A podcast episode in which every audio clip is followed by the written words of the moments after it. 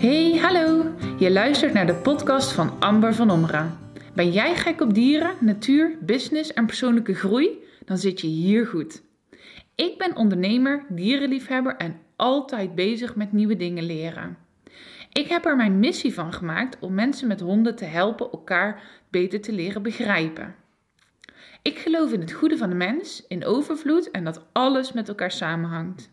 Op social media ben ik dagelijks te vinden onder de naam Amber van Ommeren.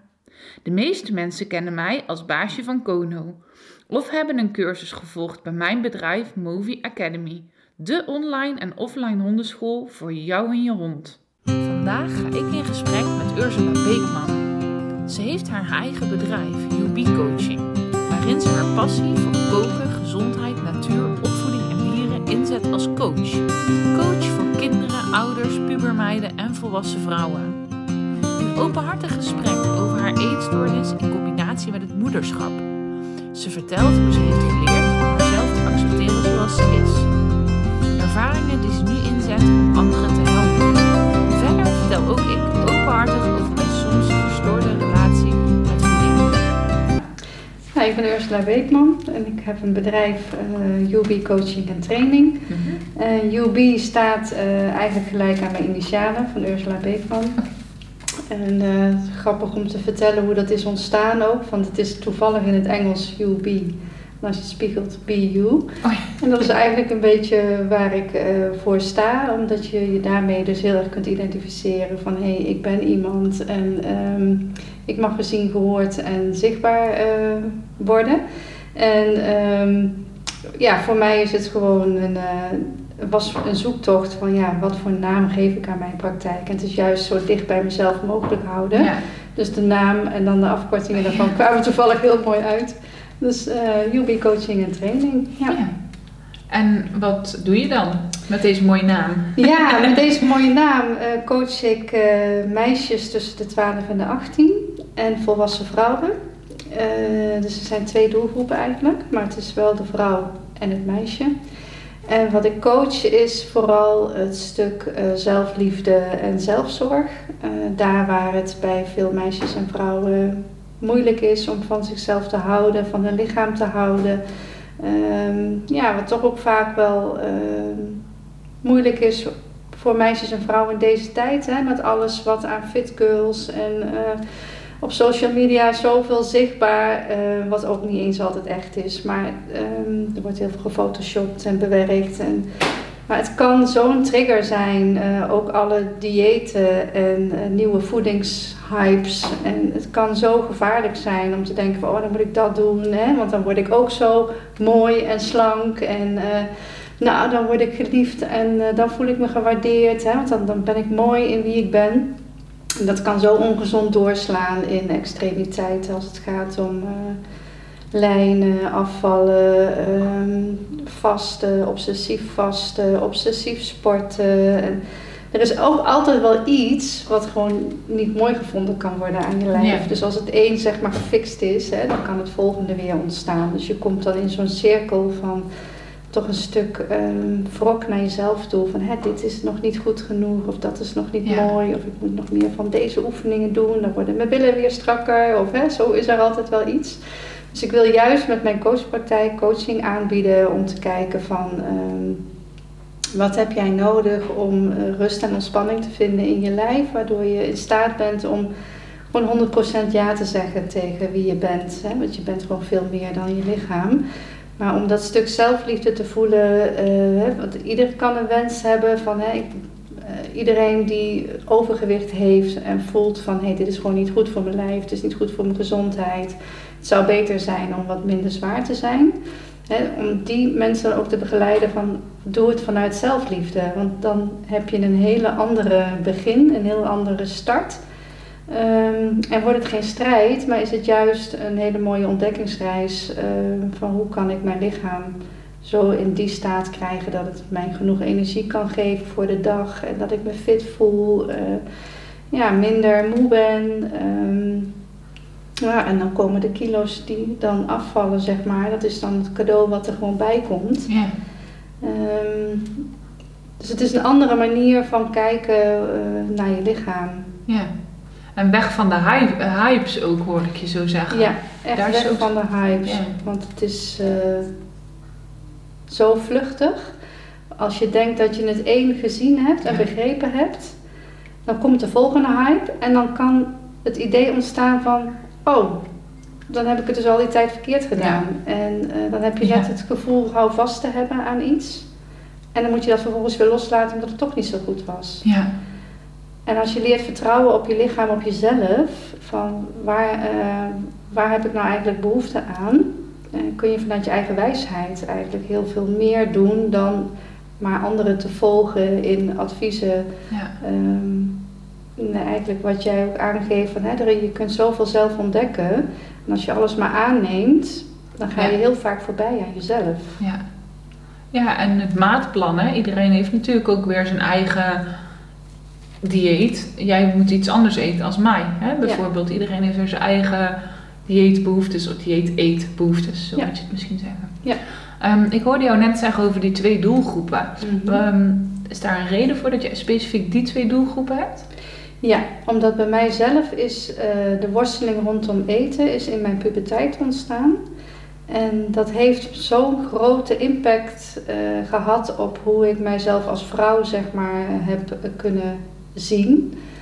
Dat ik juist die hele vroege worsteling in die jeugdjaren, dat ik eigenlijk daar al een soort van preventieve hulp wil geven Ja. een preventieve zorg. Van als je daar, van daar begint, kan het je zoveel levensvreugde meer geven als je volwassen vrouw bent. Hè? Ja. Je, je, je groeit misschien op als moeder nog. eh, hè, dan gebeuren natuurlijk ook weer heel veel dingen met je lichaam die je misschien moeilijk vindt om te zien. Dus het heeft mij ehm, getriggerd, want ik wil vanaf die, die puberteit al gaan beginnen. Ja. Ja. En ehm, ik hoorde jou zeggen van het beeld wat ik van mezelf had als jonge vrouw. Hoe zag jij jezelf toen?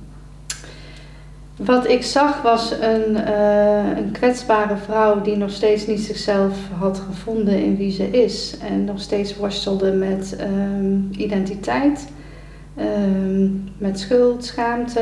ehm, ja, het was allemaal nog niet goed genoeg. En dat, dat, dat strijden, dat ging maar voort. En dat Ja. moet gewoon een keertje stoppen. Ja. Anders kan ik er nooit los van komen.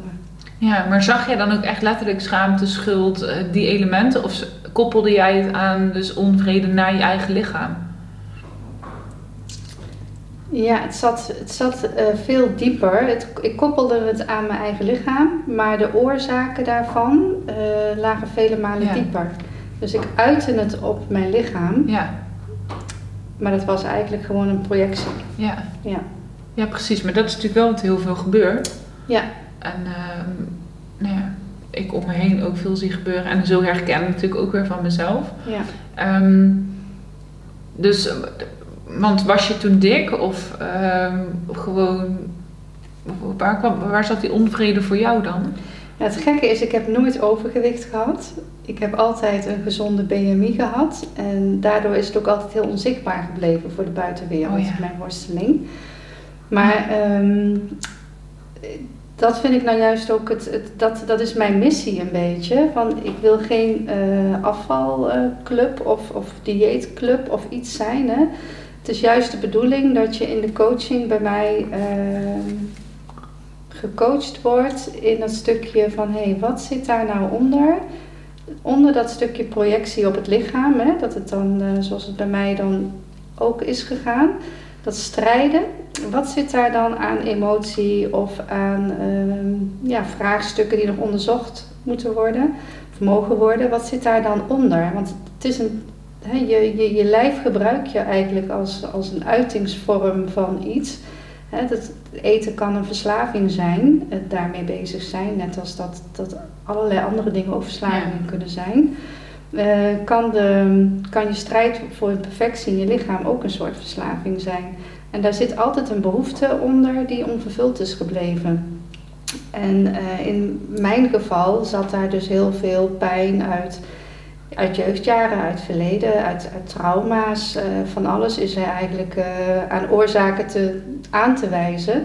Alleen ik was daar nog nooit toe in staat om daar heel goed bij te komen. Van ja, wat heeft dat dan te maken met mijn lichaam? Ik kon dat toen nog niet zien.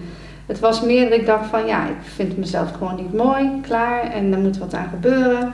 Dus ik ging obsessief sporten en, ehm, en ik ging dus ook eh, ongezond eten. Uh, in die zin dat ik wel gezond at, maar het ging er net zo hard weer uit. Dus ik, ik, ik ontwikkelde bulimia. Um, maar dat was eigenlijk constant uh, een strijd van accepteren van wie ik ben en wat, wat er gebeurd was in mijn jeugd. wat ik nog niet een plek had kunnen geven, ondanks allerlei hulpverlening die ik al had gehad.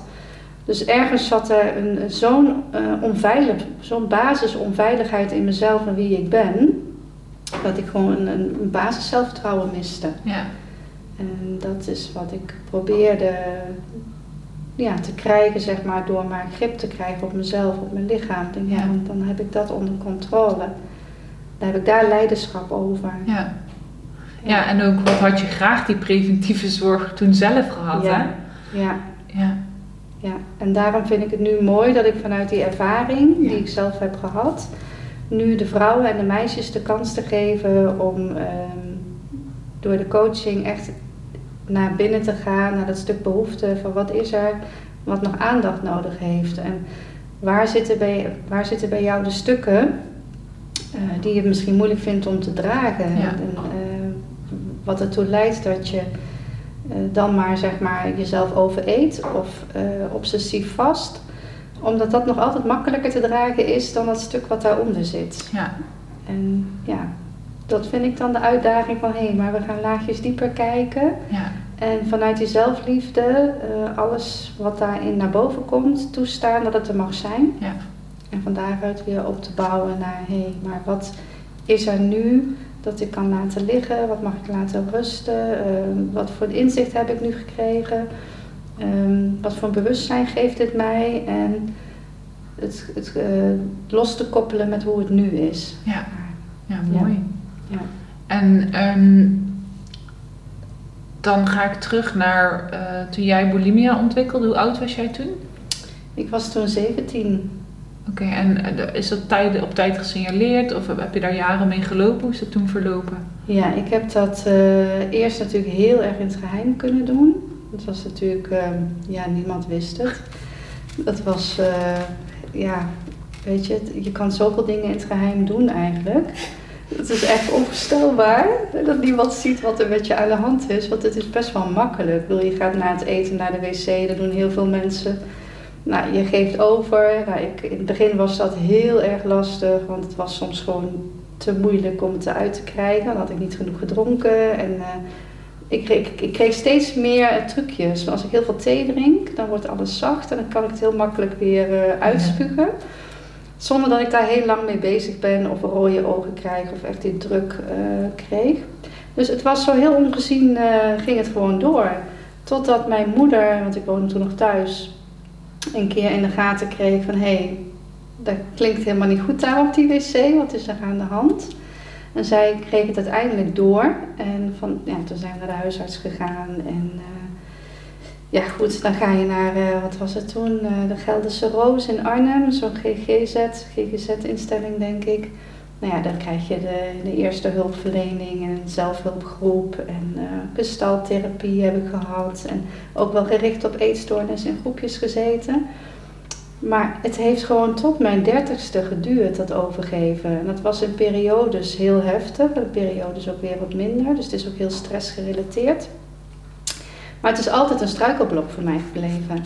En um, die bulimia was, uh, ontstond eigenlijk toen ik uh, verkering kreeg met een, uh, met een jongen waarvan ik zo bang was dat hij me af zou wijzen. Dat ik niet mooi genoeg was, of niet leuk genoeg, of niet aardig genoeg. En ik zag allerlei um, vriendinnen van mij, die hadden al lang verkering en die waren natuurlijk allemaal veel mooier dan ik. Dus ik, ik was het eigenlijk niet waard om van gehouden te worden. Er zal wel weer wat mis met mij zijn, waardoor het uit zou gaan of dat soort dingen. Is een beetje verlatingsangst.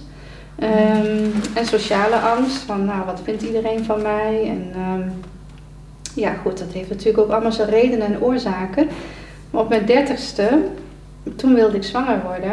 En toen dacht ik, ja, als ik zwanger ben, dan moet ik voor mijn kindjes zorgen in mijn buik. Dus dan kan ik me niet veroorloven om te weinig energie binnen te ja. krijgen.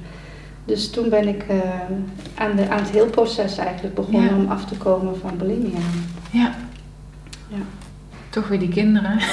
Toch weer die kinderen. Toch weer die kinderen. Ja, toen was je al bij je huidige partner. ja, ik heb hem op mijn zeventiende leren kennen. En het grappige is dat net een week voordat ik hem leerde kennen, zo'n beetje. Hij is degene die zo bang was om kwijt te raken. Ja, nou eigenlijk is het net een week voor hem dat ik begon te experimenteren met overgeven. Ehm, maar toen had ik hem nog niet gezien. Maar ik was wel, ik had al wel verkering. Maar dat was ook, dat ging uit. En eh, toen ben ik op vakantie gegaan met een nichtje van mij. En ehm, toen die verkering dus uitging, toen is eigenlijk, ehm, ja, toen ben ik wel, toen ben ik zo geschrokken van, oh, dat was maar drie maanden of zo. Oh ja. Nadat ik, eh, ik heb van mijn 13e tot mijn, ja, 13e tot mijn 16e heb ik een, een driejarige relatie gehad. En dat jaar voordat ik Jeroen leerde kennen, mijn man, dus was het tussen eh, 17 en 18 zeg maar. Eh, nee, iets langer, want ik was al 16, maakt ook niet uit. Maar in die periode heb ik wel vriendjes gehad, maar het was steeds maar heel kort.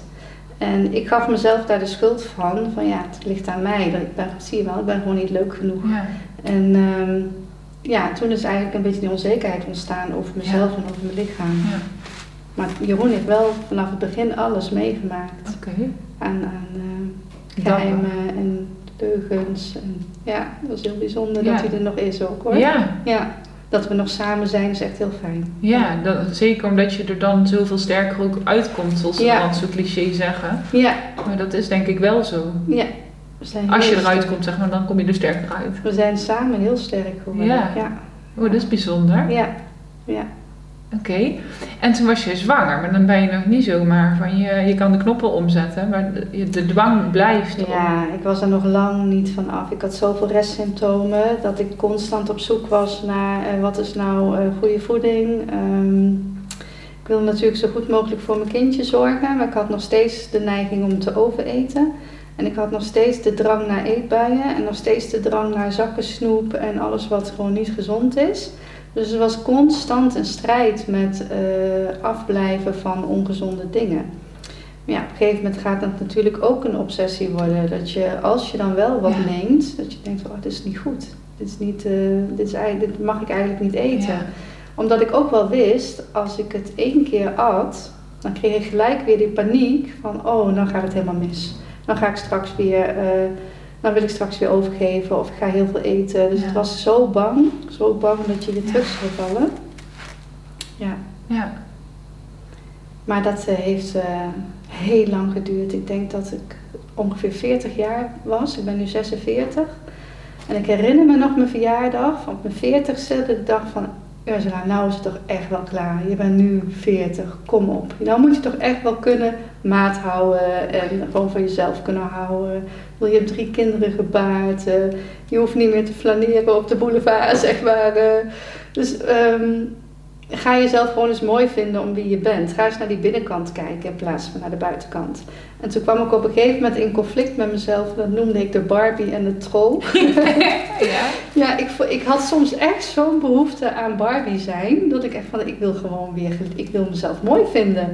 En ik kikte heel erg op ehm, de aandacht die je kreeg van anderen. Als ze zeggen van, oh wat zie je er mooi uit. Of, eh, nou ja, het zijn meestal ook wel mannen die dan eh, reacties geven. En het gaf mij zo'n sterk gevoel van, oh ik word nog mooi gevonden als moeder van drie kinderen. Oh wauw, daar ga ik heel erg mijn best voor doen, weet Oh, je ja. omdat ik, ik, ja, dat gaf mij energie. Daar kon ik weer op opteren. En toen dacht ik, Ursula, dat is niet goed. Want je gaat afhankelijk worden van complimenten van anderen, zelfs van mannen. Maar je moet vanuit jezelf voelen wat je waard bent. En dat heeft niks te maken met alleen je uiterlijk. Ja. Dus ga eens naar binnen. En nou ja, weet je, dan gaat er een heel proces aan. Voor, aan ehm, wat zijn je waarden in, voor in je leven? Wat wil je bereiken? Wat zijn je kwaliteiten, je talenten? Ja, toen ben ik echt gaan starten met die coachopleiding, met de kindercoachopleiding. Ik denk, ja, ik wil gewoon echt die kinderen zo Ja. graag het gevoel geven dat wie ze zijn, dat het altijd oké is. Hè? Wat een juf of een meester of een, een klasgenootje of zegt, of ouders in een opvoeding. eh, soms vanuit de, goed, de, de beste intentie, niet altijd helemaal de juiste dingen doen voor de ontwikkeling van het kind. Ehm, had ik een ontzettende drive om, om kinderen te gaan coachen in hun zelfvertrouwen Ja. en in hun sociale vaardigheden, sociale weerbaarheid. En daarbij ook de ouders heel erg mee te nemen. Van, ehm, vanuit die beste intentie en, de, en, de, en je goedheid, uh, dat je je kind leert ehm, te mogen laten opgroeien, dat alles oké is in, in wie Ja. ze zijn. En dat heeft hele mooie processen gebracht tussen ouders en kind de afgelopen vijf jaar, die kindercoachpraktijk. En ik merkte van daaruit heel sterk van hé, maar er zit ook iets in die moeder. Als de moeder niet lekker in haar vel zit, dan heeft dat zoveel weerslag op, ehm, op het kind en op de relatie tussen moeder en kind, maar ook in het hele gezinssysteem. Dus dat ik steeds meer de neiging kreeg van ik wil, ik wil die moeders in hun kracht ook wel gaan zetten. Vandaar ook die volwassen vrouw die ik dan graag meeneem in de coaching. En veelal zijn dat moeders. Hè. Het zijn Ja. ook, ehm, ja, mensen die mij kennen weten gewoon van, hè, ook vanuit de, de praktijk hier waar ze met hun kind waren, als ze soms ook alleen even voor zichzelf kwamen. Dan kwamen die dingen wel naar voren van hè, het zit niet lekker in mijn vel en het heeft dit en dat te maken. Dus eigenlijk is het heel organisch, zeg maar, eh, zo gerold. dat Ik denk van hé, maar ik ga bij de moeders beginnen, ik Ja. ga bij de vrouwen beginnen. En dan krijg ik veel meer, ehm, ook vanuit mezelf, het gevoel van ik hoef maar mijn hart open te stellen. Ja. En het gaat stromen tussen die vrouw en mij, of Ja. tussen het pubermeisje en mij. Ik hoef er niet meer een, ehm, ja, ik, ik hoef er niet meer een methode op los te laten of ehm, ik hoef niet meer iets te fixen eh, van een hulpvraag wat binnenkomt. Ehm, het mag gewoon helemaal, Ja. het mag helemaal gaan zoals het gaat. ja. Ja. Nou, dat is een fijne manier van werken, denk ik. Ja. Als je die weet te vinden. Ja, Dan zit je te doen eh, waar je hart van uitgaat. ja. Ehm, komen meisjes hier dan bij jou binnen als ze al een eetprobleem hebben? Of doe je ook echt ze, jonge mensen al, of jonge meiden, pubers al gezond leren eten? Hoe, of komen ze wel met een probleem, uitdaging binnen? Nou, het hoeft niet eens zozeer bij die meisjes echt zo te zijn dat ze al ehm, beginnend eetproblemen hebben. Waar met name het, het stukje daarvoor nog eigenlijk zit, zijn de meisjes die faalangstig zijn, eh, zichzelf ehm, niet goed genoeg vinden als vriendinnetje. Dus het zijn meestal het moment waarop de meisjes naar een eh, voortgezet onderwijsschool Ja. gaan. En waar het oude vertrouwde klasje in groep 8 uit elkaar valt. Ja. En eh, ze moeten zichzelf eh, een nieuw vriendinnengroepje gaan eigen maken. Ehm, alles verandert. Ze moeten verder van huis weg naar school. Ze moeten ineens toetsweken. Er komt zoveel Ja, op zo'n pubermeisje af. Hè. Er komen misschien eerste verliefdheden. En daar kan al zoveel onzekerheid zitten. Dat de hulpvraag nog niet eens zozeer hoeft te zijn van help mij met eh, gezond eten. Ja. Of ik merk dat ik eh, te veel snoep, weet je. Het kan dat, dat de hulpvraag daarmee binnenkomt. Dat, dat, dat heb ik ook zeker al een aantal keren gehad. Hè. Dat juist vanuit de ouders de hulpvraag kwam van... Ja, ik merk dat mijn kind stiekem snoept. En eh, ik, ja, ik vind steeds meer snoeppapiertjes op de kamer. En eh, ik zie steeds min- minder zakgeld wat ze overhoudt. En dan kijk ik en dan zie ik dat ze van alles gekocht heeft in de pauze op school. Eh, dus dat kan vanuit die kant, maar het hoeft niet. Het kan ook zijn dat er gewoon een basisonzekerheid zit in een meisje. En dat ouders zeggen, nou we willen gewoon dat ze daarin zichzelf leert te vertrouwen. ja, Want we willen niet dat er risico ontstaat dat ze ergens zich in gaat, eh, een uitvlucht gaat zoeken. ja, Want vandaag kreeg ik ook eh, vanuit Duiven, vanuit de huisarts, een, eh, een aanmelding binnen. Gewoon een meisje met heel veel onzekerheden. En die past prima. Dus het hoeft niet met een eetprobleem binnen te komen. nee, precies. Nee. En die onzekerheden, is dat erger geworden? Of wa- was dat er vroeger ook al, denk je? Hoe, wat is er toch met al die meiden? Ja.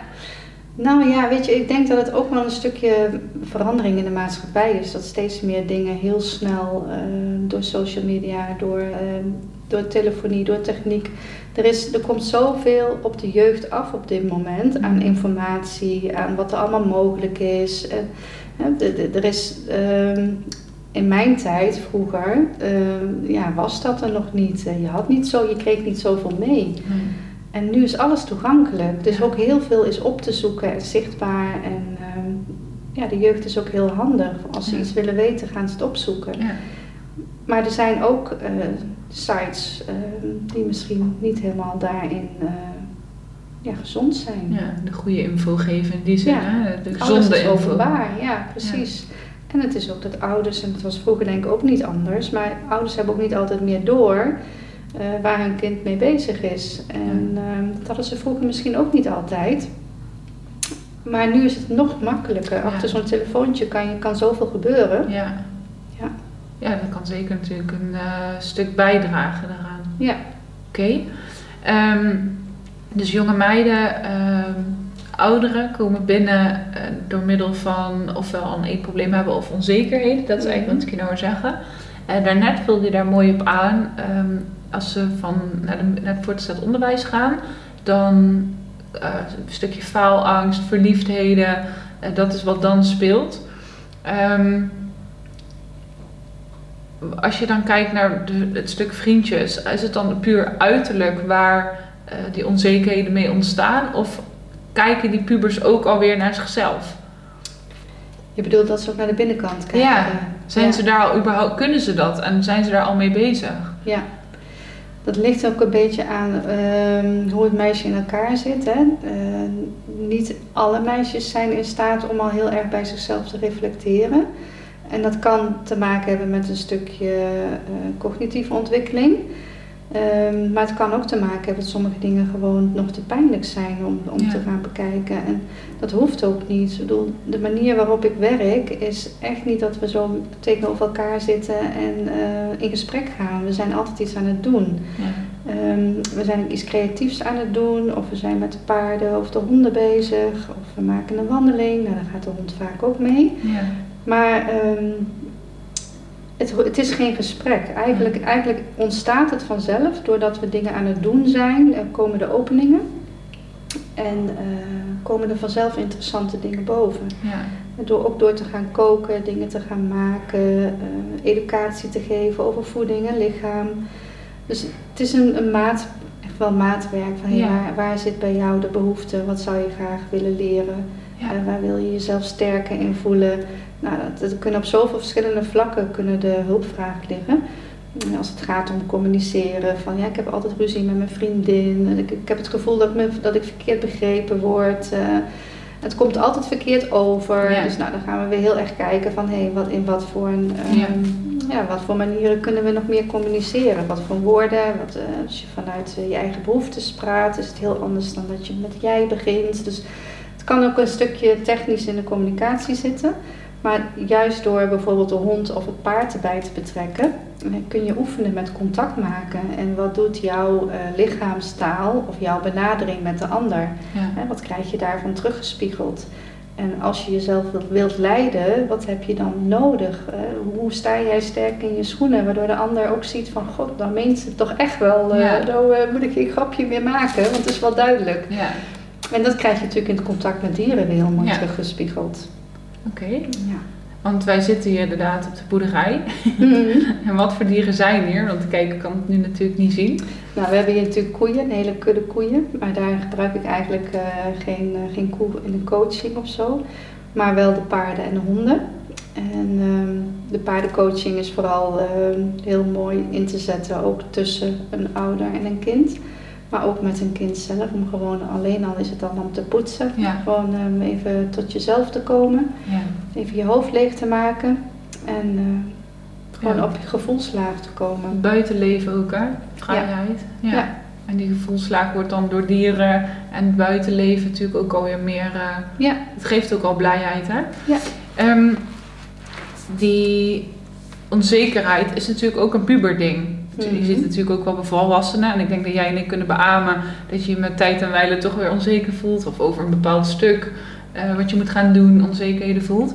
Ehm, maar in de puberteit is onzekerheid een soort...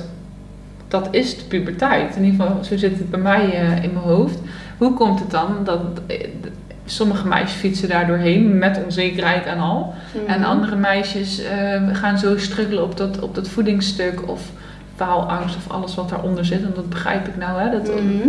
dat is zichtbaar of dat is voelbaar. Ja, Maar ehm, alles wat eronder zit. Dus ja, waarom gaat de een er zo wel doorheen met al die onzekerheden die dus iedereen kent en de ander loopt erop vast? Ja. Kan je daar iets over zeggen? Ja, ik denk, het is natuurlijk voor iedere puber anders. Uh, en het hoort inderdaad bij de puberteit. Hè. Er is niks, niks meer onvoorspelbaar dan, dan een puber eigenlijk. Hè. Dat het brein zo in, in, heen en weer aan het ontwikkelen is. Maar het heeft, uh, wat ik ervaren heb in mijn praktijk, heel erg te maken met de sensitiviteit van het meisje. Ik praat nu over meisjes omdat dat mijn doelgroep is, ja. maar dat kan natuurlijk ook voor jongens gelden. Maar hoe, hoe sensitief ben je uh, voor dingen die je vanuit je omgeving toege, ja, toegeëigend krijgt, of dat je jezelf toe-eigent? Um, dus het heeft te maken met gevoeligheden voor, uh, van buitenaf, prikkels van buitenaf. En in relatie tot een stuk basisvertrouwen vanuit wie je zelf bent. En daar zit ook gewoon een heel stuk vanuit de opvoeding, vanuit de hechting Ja. eh, met je ouders. Hoe stabiel eh, was je gezin waarin je leefde? Eh, hoe ben je daarin benaderd? Ehm, zijn er misschien trauma's aanwezig? Het hoeven echt geen grote dingen te zijn. Maar iedereen kan wel iets hebben wa- waar, waardoor ze het gevoel hebben gekregen van... oh, dat moet ik dus niet meer doen. Of oh, ik was toen niet goed genoeg. Of, Ja. eh, er kunnen allerlei kleine oorzaken zijn, maar dat zijn ook kleine traumaatjes die wel van binnen heel groot zijn geworden. Ja. En het ene meisje fietste zo doorheen, die denkt van, ach, nou ja, hier was ik even onzeker over, maar bla bla bla. Maar die heeft dan toch ergens een sterke basis. Ja.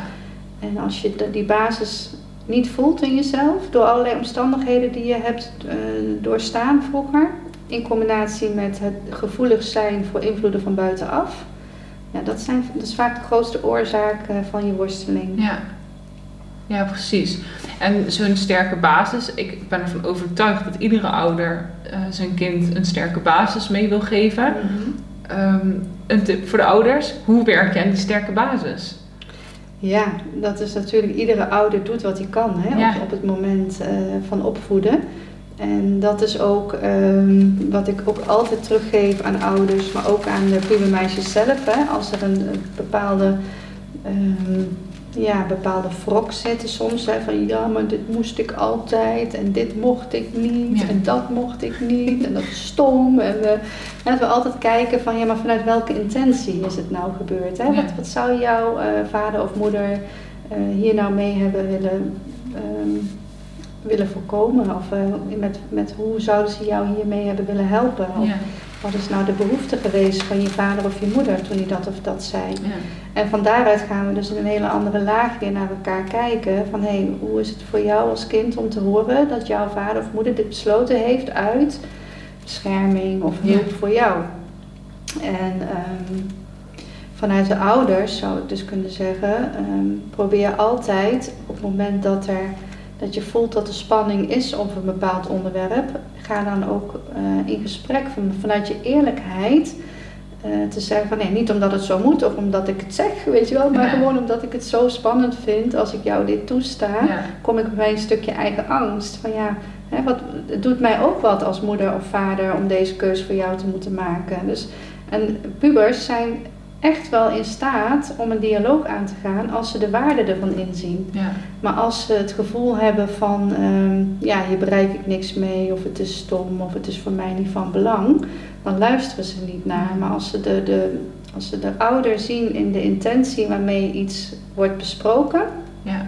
dan kunnen ze veel meer meegaan. Ja. Dus het contact met je kind en het, de eerlijkheid durven hebben van ik, heb, ik vind dit moeilijk. Ik Ja. snap jouw behoefte dat je dit graag wil. Maar ik vind het zelf heel moeilijk. Dus geef me even tijd om te voelen of ik dit zelf ook eh, kan dragen. Dat jij deze keuze kan maken. Want het is, het is een proces, zowel voor de puber als voor de ouder, om elkaar los te laten op een gegeven Ja. moment. En wat ouders vaak doen uit angst voor loslaten, is juist heel erg vasthouden. En starren, verstarren en ehm, geen, ja, geen ruimte meer bieden uit angst van ja, maar als ik me iets geef, Ja. dan raak ik te kwijt. En dan eh, gebeuren de dingen waar ik geen controle meer over heb. En juist die angst loslaten en elkaar als volwaardig mens te zien. In, in die zin dat ieder zijn eigen pad mag ontdekken, Ja. maar wel vanuit vertrouwen. En dat je ook echt mag vallen. Hè? Dat het ook gewoon soms een keer echt gewoon mis kan gaan. In, Ja. mis in die zin dat je iets ontdekt wat niet echt handig was. Wat je liever de volgende keer anders wil doen. Het is oké, weet je, dat hebben we samen weer van geleerd. Dus er is geen, geen straf of geen narigheid als Nee. een keer iets niet gaat zoals je het had gehoopt of verwacht als Ja. ouder of als kind. Ja. En ik kan me voorstellen dat er wellicht mensen gaan luisteren en denken, ja, jij kan zo vragen, maar die van mij, ja, die, dat eh, dialoog, daar is natuurlijk vanuit de ouder ook al een bepaalde communicatieve vaardigheid voor nodig. Ja. Ehm, waar te beginnen? Ik kan me echt voorstellen als je als, ja, als puber ouder zeg maar denkt, ja dat is leuk, maar als ik dat tegen hem zeg, dan zeg ik toch boeit me niet, maakt me Ja. niet uit. Hè? Een beetje dat idee. Ja. Hoe kan je, heb je daar een tip voor van handreiking, hoe die ouder dat toch ehm, ja, een opening kan creëren? Ja, ja het is, eh, het, ik herken het wat je zegt. Hè? Dat, dat, dat hoor ik ook terug in, eh, in mijn praktijk. Dat ouders zeggen van ja, ja, zo makkelijk is het niet, want het is bij ons al zo ver. En eh, hoe krijg ik hem dan nu wel aan het luisteren? Ja, juist door eh, daar eh, niet de nadruk op te leggen, maar eigenlijk less is more in, in zo'n geval. Door juist niet overal direct op te reageren, maar juist de dingen tot je te nemen. En te zien, oh goh, ik zie dat dit, dat dit je raakt, hè? Het maakt je boos, oké. Of als er een boosheid is, van hè, boeien, weet je wel. Van, Ja. Nou, ik begrijp dat dit... ehm, Niet boeit. Nee, oké. Weet je, vaak is het zo dat eh, je eerst heel veel dingen moet doorbreken voordat Ja. je weer kan opbouwen. Dus het is zoeken naar gezamenlijke dingen die leuk zijn om te doen. Ja. Dus als er iets is wat je samen leuk vindt om te doen. De ene, ik heb bijvoorbeeld een, eh, een vader en een dochter die zijn heel veel gaan mountainbiken. Eh nou, picknickzakje mee. En eh, er hoeft nergens over besproken te worden. Maar het is meer gewoon weer de band met elkaar opbouwen. Dus samen dingen te gaan doen. En het koken is ook heel grappig, want dat doet ook heel veel met moeder en dochter. Van, eh, recepten uitzoeken en gewoon lekker gaan koken of ergens een, op een terrasje te gaan zitten. En gewoon weer even bij elkaar te zijn zonder dat er direct iets besproken moet worden. Ja. Want er is bijna geen door de druktes. Hè, Ja. want een puber heeft ook zijn eigen agenda en de ouders van tegenwoordig ook. Dat je echt een keertje één op één dingen doet zonder dat iets besproken moet worden. Hè, dat is er bijna niet Nee. meer. Het is altijd wel als iets, als je samen bent, dan moet er weer even iets besproken worden. Ja. Dat is voor pubers heel moeilijk om te horen van hè, er wordt er weer gedoe en gezeur. En Ja. dan doe het gewoon een keertje niet. Dan ga alleen maar dingen doen samen. En soms komen de mooiste gesprekken dan vanzelf. Terwijl je niet eens bedoeld had om een gesprek te beginnen, maar dan ontstaat het gewoon. Ja, Ik heb is, één moeder en dochter, die hadden altijd ruzie. Behalve als ze in de moestuin aan het werk waren met z'n tweeën. Dan ging het goed.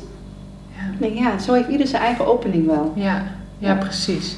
Dus er zit hem in een stukje, ga, ga erop uit samen, ga het doen en geef het aandacht, hè? Ja, Zonder dat je er iets van wil. ja zonder dat je er iets van wil. Er is geen verwachting. Nee, Nee. verwachtingloos aandacht voor elkaar. Ja. Ik denk dat dat heel essentieel is. Mhm. En zeker in het kader van, eh, er zijn dan wel wat jonger, maar waar het al begint vaak, hè, voor schoolse opvang, eh, school, naschoolse opvang, dan is het ook nog alleen maar de avond om Ja, dingen te bespreken die misschien van praktische aard zijn. Ja. Ik weet niet of dat één op één in elkaar, maar het zal elkaar vast in de hand werken.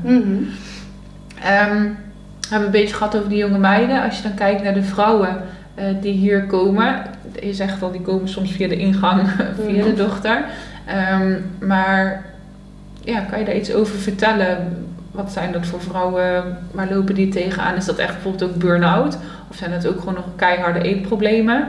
Wat, ja, wie tref je daar? Ja, er zijn veel eh, vrouwen die ehm, het diëten beu zijn. Die Oh ja. zeggen van nou, ik heb al zoveel geprobeerd. Ik ben al bij een diëtiste geweest en ik heb Sonja Bakker gedaan. En ik weet eigenlijk alles wat ik moet doen om af te vallen. En toch lukt het me niet. En ehm, ik baal daarvan en ik loop steeds meer vast in, eh, in mezelf en met mijn lichaam. Eh, dus die, die komen binnen. Dat ze toch heel erg graag wel gewicht willen verliezen, omdat ze echt wel overgewicht hebben. Ehm, maar niet meer willen diëten. Dus meer die andere ingang vanuit zelfliefde, zelfzorg eh, willen gaan opzoeken. Nou, dan kom je echt op stukken als rouwverwerking, eh, problemen van vroeger in het gezin. Er, er zitten zoveel angels onder, waardoor het dus blijkbaar nog niet lukt om die leiderschap over jezelf Ja, te mogen nemen. Eh, waardoor dus patronen zijn ontstaan. Hè? Want overeten is ook echt een patroon wat is ontstaan uit eh, het overleven. De, ja, de andere emoties en pijnen wegdrukken. Omdat overeten dan eh, minder pijnlijk is dan dat wat je daaronder eh, eigenlijk zou mogen gaan voelen. ja, Maar er komen ook vrouwen binnen die zeiden van, nou weet je, ik laat altijd zo over me heen lopen. En uh, dan heb ik een probleem met mijn zus, of met een vriendin, of een buurvrouw. En het lukt me maar niet om voor mezelf op te komen dat ik uh, even klaar ben met voor iedereen klaarstaan. Ja. En, uh, en die vrouwen die zijn moe omdat ze zichzelf de tijd niet gunnen en de energie niet gunnen om een keer te zeggen van hé, hey, maar nu is het even mijn tijd. Ik moet nu voor mezelf gaan zorgen. En dat kan ook in een relatie, dat, uh, dat daar iets scheef zit. Ja. Tussen man en vrouw in taakverdeling of in, en ook opvoeding komt ook weer heel veel terug. Hè? Van, uh, ik voel me onzeker in mijn opvoeding als moeder en ik heb zoveel problemen met mijn kinderen. Um, maar het kunnen ook vrouwen zijn die helemaal geen overgewicht hebben, net als ik, maar die wel iedere dag struggelen met het eten. Van wat mag ik wel, wat mag ik niet. En ik voel me zo schuldig als ik dan weer een taartje heb gegeten op een feestje. Of uh, dan moet ik de volgende dag weer uh, compenseren met dingen. Ja. Weet je, dus het is, um, ja, het is de relatie met jezelf en de ja. persoonlijk leiderschap daarin. Ja. Ja, daar gaat het heel erg over. Ja. En um, meisje, vrouw, maakt niet uit, ze komen binnen. Uh, wat ga jij dan hoe ziet dat eruit? Hoe ziet zo, is het een dag of een uurtje? Of uh, hoe, ja, wat ga je doen? En hoe verloopt het? Ja, nou in principe is het zo dat we een uh, verbinding aangaan voor een half jaar. Het is een coach traject. Waarin we een half jaar elkaar live en online volgen. En een half jaar kies ik heel bewust. Dan verspreiden we een aantal coachsessies verdeeld over dat half jaar. En tussendoor worden er al allerlei uh, berichtjes heen en weer gestuurd over uh, nou, hoe gaat het deze week met je, waar loop je tegenaan. Dus er is ook online coaching. Uh, maar dat half jaar doe ik bewust omdat de eerste maanden, weken, zit je vader in een drive. Hè, van oh, ik heb weer hulp en dan ga ik het goed doen. En, uh, want ik ga naar Ursula ze stok achter de deur. Weet je. En op een gegeven moment dan is het weg en dan kom je weer in dat oude stukje. Hè? Dan komen er toch weer oude gevoelens boven en zit je op die overgang van oud en nieuw. Van je wil eigenlijk nieuw, maar het oude is er ook nog. En het is gewoon 95%, van de, 95% van de vrouwen valt gewoon weer terug in oude gewoontes. En dat komt omdat het niet zo lang ja. heeft mogen doorgaan. En dat vallen en opstaan, het vallen en weer kunnen opstaan, dat, dat vertrouwen heeft tijd nodig. En dat half jaar is gewoon een ontzettend mooi traject om juist heel vaak te gaan vallen en te ervaren van hé, hey, er gebeurt helemaal niks, ik ga niet dood, ik, ik uh, kan gewoon weer opstaan en ik ben eigenlijk veel sterker. Ik, ik kan nu steeds beter uh, sneller herstellen van, van dipmomentjes of ja. uh, ik kan veel beter omgaan met teleurstellingen of ik kan veel beter mezelf toestaan om op dat feestje ook echt even te mogen genieten van ja. de dingen en de volgende dag gewoon weer up en running gewoon het proces weer op te pakken. Ja. En uh, dat is, vind ik het mooiste van een half jaar traject. En dat kan in een groep of individueel. Maar ik heb ook uh, een proefdag. Dus dat mensen gewoon even vrouwen kunnen proeven van ja, hoe is dat dan? Wat kan ik dan in zo'n half jaar verwachten? En dan gaan we echt in een één dag gaan we in vogelvlucht uh, kennis maken met wat is dan coaching voor jou op dat gebied. Ja. En uh, we gaan ook praktisch aan de slag met voeding. En een stukje educatie over voeding. En ik heb een masterclass, Eten zonder schuldgevoel. En dat is gewoon een avond. Dus er zijn drie producten. Een, ja. een masterclass, een proefdag en een coachtraject van een half jaar. Leuk. En er, wat je net ook zegt, er zit dus educatie, praktisch met voeding bezig zijn en eigenlijk het hele uh, coach, hè, die onderliggende lagen bekijken ja. bij in. Dus als ik uh, bij jou zou komen, dan krijg ik, uh, zie ik even voor me. Mm -hmm. Ik weet niet of het zo is, maar dan zie ik nu voor me, ik krijg een sapje mee, ik krijg informatie over voeding mee, eiwitten, koolhydraten, vetten. Mm -hmm. Ik krijg, um, uh, ik ga met jou koken hier en dan zeg je die vetten en die eiwitten wel bij elkaar. En ik krijg mijn struggles te zien, ook een stukje persoonlijke groei zit daar gewoon in. Ja, het is heel veel, het is heel veel persoonlijke groei. Ja. Maar het is juist ook de educatie over voeding zonder dat ik jou een weekschema meegeef ah, van nou dat moet je eten en dan ben je ja. straks uh, van je kilo's af, ja. zeg maar. Dat doe ik dus echt bewust niet, omdat ik jou wil toestaan zelf je eigen ritme te ontdekken. Van hè, wat, wat vind jij, wat, waar, waar gedij jij goed op? Uh, leuk woord, gedij je goed. Van, ik ga niet uh, calorieën uittellen nee. en weekschema's maken van nou dat moet jij eten. Wat ik wel doe is heel veel educatie geven over wat zijn nou de gezonde voedingswaardes in producten. Eh, zonder dat daar een supplement of, hè, want ik ben natuurlijk orthomoleculair voedingsdeskundige, maar ik ben niet van eh, het verkopen van supplementen of, of adviezen daarin geven. Maar ik kijk gewoon puur vanuit van wat zit daar aan voedingswaarde in bepaalde Ja. groentes, fruit, noten. En wat heeft jouw lichaam eigenlijk nodig? En waar wordt het blij van? Wat geeft jou energie? Maar wat kost jou energie? En wat gebeurt er allemaal in je lijf als je ehm, ja, overmatig iets hebt genomen? Eh, wat gebeurt er dan? Ja. En om gewoon ook begrip te krijgen, dat is dus vanuit die zelfliefde denkend, van wat kan ik mijn lijf geven, zodat het mij kan geven wat ik nodig heb. Ja. Dus de energie die je erin stopt, die krijg je er ook weer uit. Ja, ja precies. Ehm, ik, ja, ik, ik denk dat ik snap eh, hoe, je, hoe je opbouw daarin zit. Mhm. Ehm, en in groepen, hoe groot zijn de groepen dan waar je mee werkt? Maximaal 10. Oh ja, En mijn liefste, ja, max, ja, het is echt max 10, maar Ja. 6 is wel heel dat is fijn. Ja, Ja. dat werkt fijn. Ja. Oké, en jij zegt dan ook praktische vaardigheden. Wat bedoelde je daarmee dan? Dat je dus leert van hoe kan ik een volwaardige maaltijdsalade Ja, zo. maken, zodat ik alle voedingsstoffen binnenkrijg. Ja. Eh, welke gezonde vetten kan ik dan kiezen? Ehm, ja, dat zijn eigenlijk de, het is gewoon een basis. Ja, Echt weer terug naar de basis van wat is voeding eigenlijk en ehm, wat doet het met mij? ja. En dan kan ik me voorstellen dat dat teruggaat naar eh, eh, eten wat niet in plastic zit, bij wijze van. Hè? Mhm. Gewoon, eh, een appel is een appel. Daar zit weinig nog ingrediënten bij. Mhm. Nou ja, vis, noten, zaden, dat stuk. Mhm. Ik denk dat we dat met z'n allen wellicht ook wel weten. En heb je daar dan ook nog een specifieke eh, kijk op wat betreft vlees bijvoorbeeld?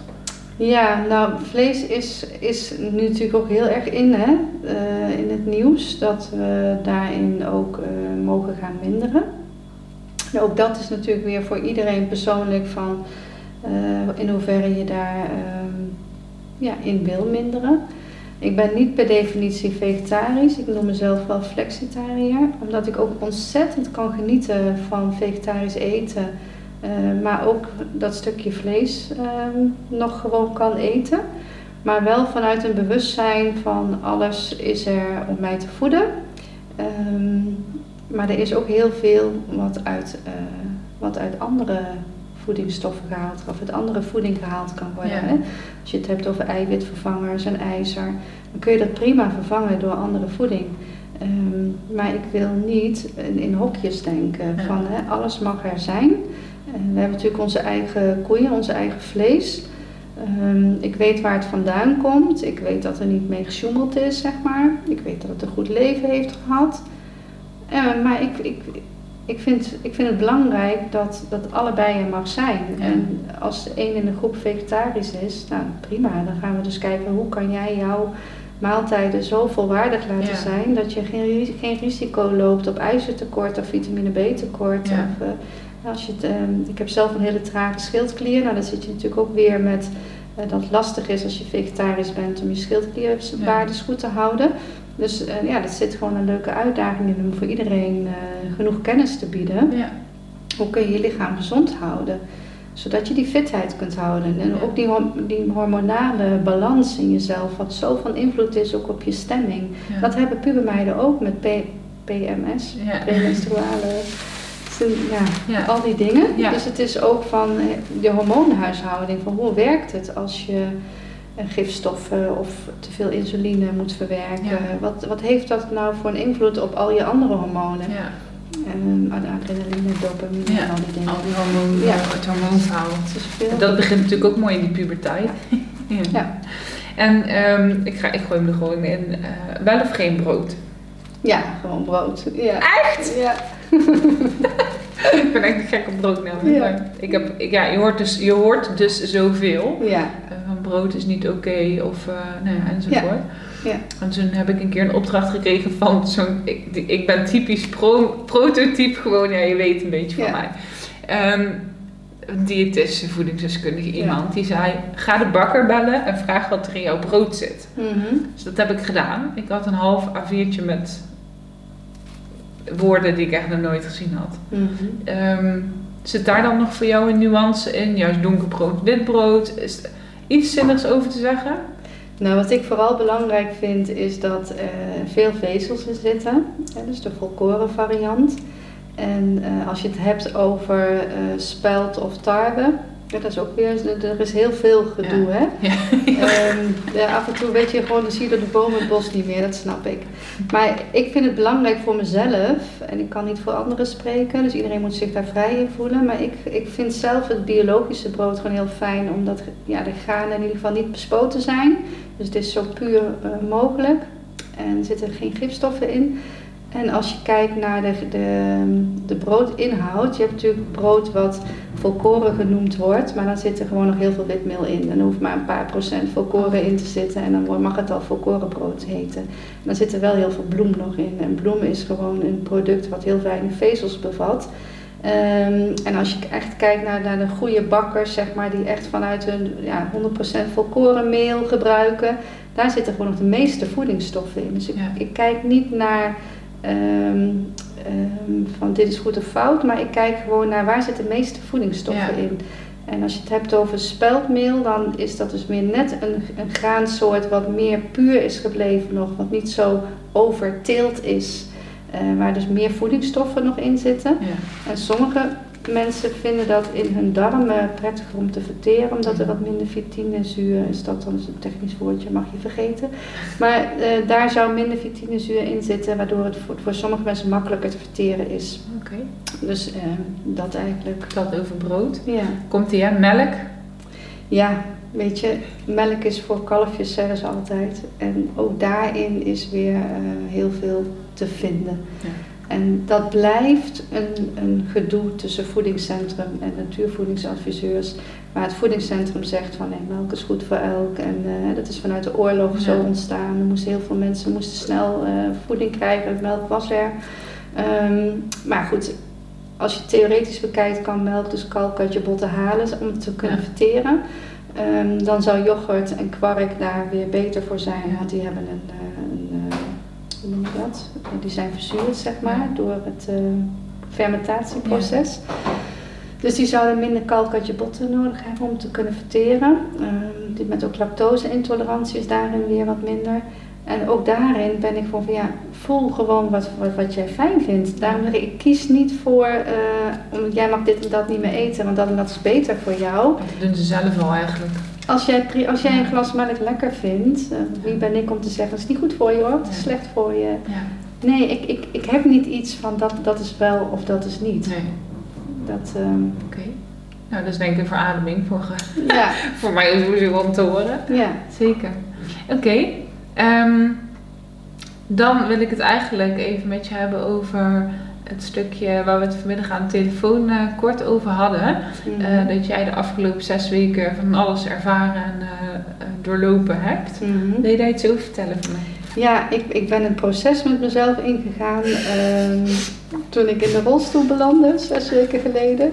Het was gewoon een bewuste keuze, er is niks ergs gebeurd, er is geen, geen ongeluk of iets gebeurd. Maar ik, ik moest gewoon geopereerd worden aan mijn voeten. En um, ik heb er zelf voor gekozen om dat aan twee voeten tegelijk te doen. Um, ja, normaal doe je dat om de beurt.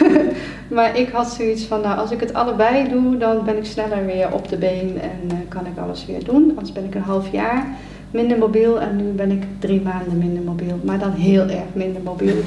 dus ik heb in die zes weken niet kunnen sporten. Ik heb niet uh, heel druk hier om in en om het huis kunnen zijn.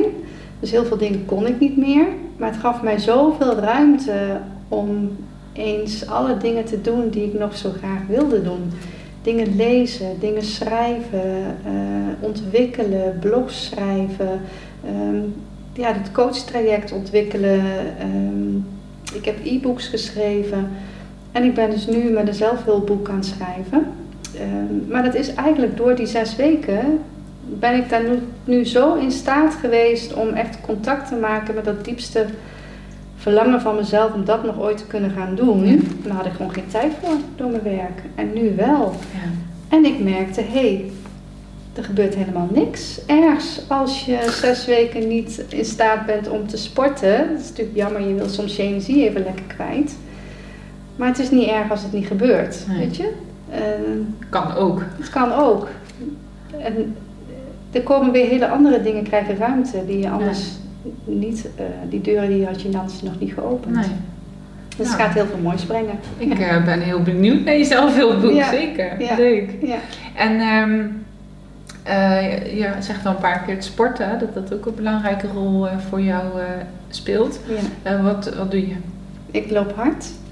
En ik rijd natuurlijk paard. Oh ja. um, en voor mij was het hardlopen vroeger echt een manier om mijn emoties te ontvluchten. Om weer uh, mijn hoofd leeg te maken. Om uh, van mijn gedachten af te komen.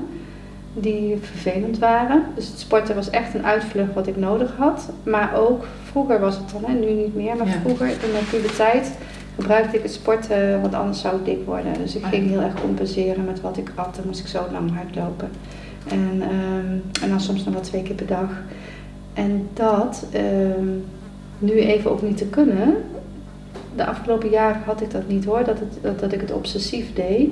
Maar ik was wel bang als ik niet zou hardlopen, dat ik dan in een soort van mineurstemming zou komen met mezelf. Dus ik, oh ja. ik had wel zoiets van, nou dit hardlopen is zo fijn, dit wil ik ja. niet missen. Dus ik wilde iedere dag wel zo'n moment hebben van, hey, fijne start van de dag. Uh, ja. Mijn hoofd lekker uh, op, de goede, op het goede kanaal, zeg maar. Ja. En ik, het was voor mij echt een ontdekkingstocht. En dat heb ik mezelf ook zo voor de operatie gezegd. Van ik ga ontdekken wat het met mij doet. Als ik gewoon niet zes weken in de natuur kan zijn. En niet zes weken lekker met mijn hond kan uh, wandelen en spelen in het bos. En niet kan hardlopen. Wat gebeurt er dan met mijn brein? Word ik, ga ik in een minuur zitten of niet? Of... Ja, nou, dus helemaal, een test geweest. Ja, het is eigenlijk een test geweest dat je ook die fases dus kunt uh, ontdekken. Dat als er iets is wat je niet meer kan, dat er ook weer andere dingen wel kunnen. Ja. En dat er dus niks aan de hand is. Ik voel me gewoon nog super goed. uh, ja. Ook al weet ik van, ja, ik zal mijn conditie ingeleefd hebben, maar dat komt straks gewoon weer Heel terug. Goed, ja. En dan wel gewoon lekker gedoseerd van, hé, hey, het hoeft allemaal niet, het mag. Gaaf. Ja. Dat is een wijze les die ja. je hier even zegt, volgens mij. Ja. Ja, gaaf. Ja. Oké. Okay. Um, ik hoor af en toe hond, paard, uh, er tussendoor fietsen. Uh, je rijdt dus fanatiek. Hoeveel paarden heb je? Ik heb één jong paard. Die is vier, dus die ben ik nu aan het beleren voor natural, met natural horsemanship. Dat is vanuit uh, het um, leiderschap ontwikkelen met je paard. Echt nog vanaf de grond, dus ik zit er nog niet op. Mijn oude Mary, waar ik altijd op reed, die is overleden. Uh, dus dit is weer van jongs af aan een paard, uh, ja, okay. connectie opbouwen. Um, en ik heb nu een Shetland pony, de andere is ook overleden. En we zijn nu op zoek naar een nieuw rijpaard uh, voor mijn dochter en mij. Waar ik dan ook lekker nog de coaching mee in kan en het bos in kan. En ja, met mijn jonge paard ga ik gewoon verder in de opleiding. Ja. De zomer gaan we hem zadelwak maken. Spannend. Dus dan gaan we erop. Ja. ja. Leuk. Ja. En de honden, gebruik je hoeveel honden heb je? Drie. Ja. We hebben een Duitse staande. En die hebben we drie jaar, laten, drie jaar geleden laten dekken door een Labrador. En daar is dus een kruising uitgekomen. En we hebben nog een Jack Russell, een oudje. Um, maar alle drie zijn ze zo waardevol voor de coaching. Dat is zo'n bijzondere combinatie. Ze zijn alle drie heel verschillend. En ze hebben alle drie hun eigen unieke talenten. Die zijn heel mooi in te zetten. Ja. ja. En uh, hoe dan? Ik kan me echt denken wat de mensen nu denken. Ja. Nou, paard, coaching, hoe dan? Ja, de oudste, die Duitse staande, die is heel erg goed in te zetten bij thema's als grenzen bewaken, uh, leiderschap nemen, uh, de dingen niet van je af laten pakken, maar goed staan voor jouw persoonlijke ruimte. Um, dat zij ook heel actief is en heel veel dingen wil doen met je, uh, kan ze je ook heel erg prikkelen. Hè? Van hoe ga je daarmee om als je constante druk voelt ja. van iemand van buitenaf. Um, maar daar kan je dus heerlijk een, een bewegen en spel um, voor meedoen. Ja, met parcoursjes lopen en stokken gooien. En, uh, nou, dat. En de Tosca's, dus de pup van haar, en bij Tosca werkt het zo dat ze, ze is er gewoon, heel onzichtbaar eigenlijk. Ze pakt gewoon haar rustmoment, is heel zelfstandig en gaat gewoon liggen en heeft zoiets van nou als ik nodig ben dan roep me maar. Of als ik voel dat, dat ik een taak krijg, dan kom ik. Ja. Ja, dus bij haar zie je heel sterk dat als mensen in een bepaalde spanning komen of de energie verandert, dan komt ze zich melden. Of ze gaat ergens liggen waarvan je denkt van nou wat doet dit nu met jou dat ze hier nu ligt. En dan heeft het altijd een, een spiegelmoment van ja, dan ligt ze net op het punt waar ik naartoe wil gaan. Maar ja, dan zie je het dan als een blokkade waar je Ja. overheen stapt. Of, Ja. eh, ehm, ja, wat, wat, wat doet het met je dat ze nu bij je komt? Wat gebeurt Ja. er? Weet je? Dat zijn gewoon hele leuke momenten. Maar daar is veel minder eh, interactie in energie, zeg maar. Ja. Dat ontstaat vanzelf. Ja. En bij eh, Frits is het heel erg, Frits is de Jack Russell. Ehm, Frits is heel erg op zichzelf en wil heel graag zijn eigen dingen doen. En dat kan voor ehm, mensen nog wel eens lastig zijn van hey, hoe kan ik nou eh, met mijn eigen behoeftes ook verbinding maken met de behoeften van iemand anders. Ja. Want hij heeft gewoon heel sterk zijn eigen wens. En eh, iets wat hij niet wil, laat hij ook zien. En dan is hij ook beledigd als je doorgaat. Ja. En dat is dan weer heel leuk om terug te vertalen van hé, hey, wat gebeurt er nou met jou eh, als je in je dagelijks leven eh, zo'n soort gelijk thema hebt.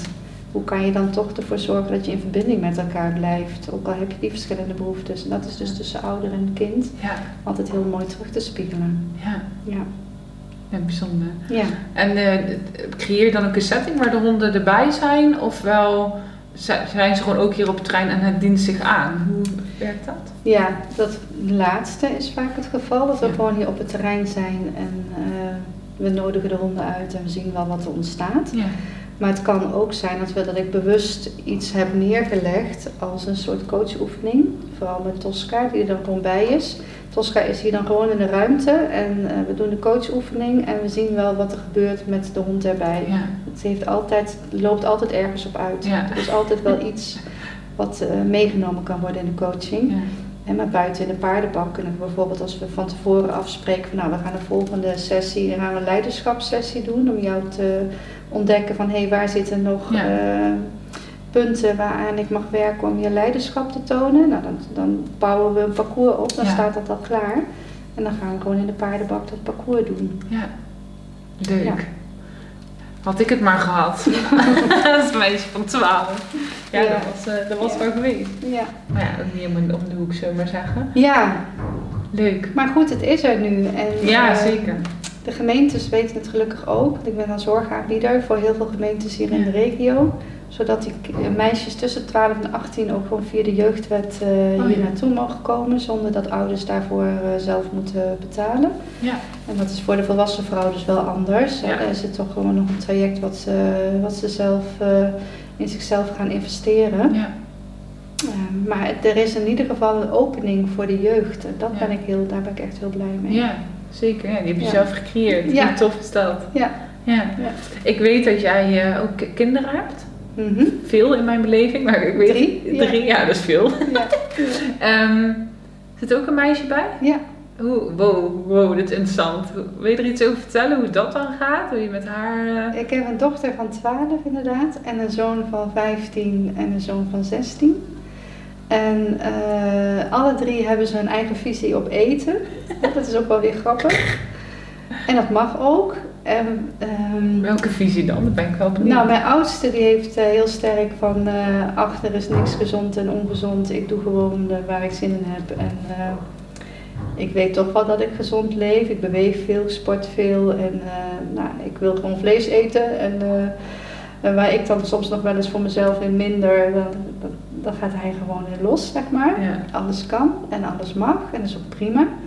En de middelste is heel erg met sport bezig. Die wil heel erg eh, zichzelf eh, ontwikkelen op sportgebied in de voetbal. Dus die wil zichzelf heel goed voeden om goed energie te hebben tijdens de wedstrijd.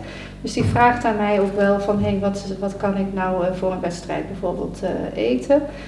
En de, en de jongste is daarin ook nog wel zoekende, hè, van mama mag dit nou wel? En, maar dat is wat ik zo thuis doe, alles kan bij mij. In die zin dat ik, ik ga niet als een gezondheidsgoeroe alleen maar eh, gezonde dingen op tafel zetten. Er staat bij ons echt wel chips en er staat ook chocola en er zijn ook koekjes en er zijn ook snoepjes. En er is niks waarvan, waar ik in extreme in wil zijn. Juist om niet te veel nadruk te leggen op dat is gezond, dat is ongezond. Omdat ik dus zie dat dat juist de bottlenecks zijn. Dat meisjes zich gaan uh, identificeren met de social media girls. Die dan zeggen van ja, maar die shake en dat en dat dat het gewoon, het is niet meer leefbaar. Alles, alles kan in een mate van dosering. Je wordt niet dik van een gebakje. Je wordt niet dik van een schaaltje chips. Daar zit veel meer omheen en achter. Ja. Dus ik wil juist niet die beperkingen gaan opleggen en te veel uh, op dat gezond en ongezond ingaan. Ja, precies. Maar wel vanuit het bewustzijn van hé, hey, uh, waar is een maaltijd uit opgebouwd? Ja. En wat heb je nodig om twee uur per dag naar school te fietsen? En, uh, ja. wat, ehm, wat voor voeding heb je dan nodig? Ja. Maar niet in, in extreem en in strengheid van zou je dat wel doen? Of, nee, nee, precies. Nee. Ja, want dat is dan ook weer zoiets. Als je er zelf eh, bent geweest en je hebt dan kinderen. Ja. Ik kan me voorstellen dat je dat zo spannend vindt. En ik weet zo hoe oordelen en uh, opmerkingen van uh, tantes, ooms, ouders daarin zoveel kunnen bijdragen. Ja. Dat, dat is wel grappig. Ik sprak... Um, mijn moeder is overleden in 2010. Mhm. En ik sprak een week of zes geleden een ehm, vriendin van haar, een goede vriendin van haar. En die zei ehm, tegen mij nu. Uh, jullie mam heeft altijd alle diëten gedaan. Van Montiac tot Sonja Bakker. Ze was altijd aan diëten. En ze hoopte altijd zo dat jullie het niet zouden doen. Dat mhm. jullie gewoon blij zouden zijn met jullie eigen, mijn zus en ik. Mm. Met je eigen lijf. En uh, ja, een goede relatie met voeding hebt. Nou, dat is niet gelukt. Mhm. dat is zeker niet gelukt. Uh, nu ondertussen gaat het wel een stuk beter. Maar ik heb ook periodes gehad dat ik dwangmatig niet at. Uh, nou ja, tot, uh, tot dan weer gewoon eten. Maar bij mij zat het vooral niet eten. Dat vond ik wel wat. Mhm. En toen merkte ik ook, uh, toen ik stopte met roken, ik stopte gewoon met roken, punt. Dat was super simpel in mijn hoofd, zwart-wit. En stoppen met eten, dan gaat het gewoon x tijd, maar dan gaat dat niet meer. Mm En in ieder geval, er zijn natuurlijk de meningen over verdeeld, maar ik denk dat dat niet oké is. Ik denk dat je mm. zeker wel wat moet eten, maar ik denk dat wel dat we met z'n allen ehm, minder hoeven te eten mm-hmm. en andere dingen. Dat is mijn uh, voedzamere dingen en dan kan het volume, uh, de hoeveelheid zakken, zeg maar. Ja. Zo voelt hij voor mij heel erg.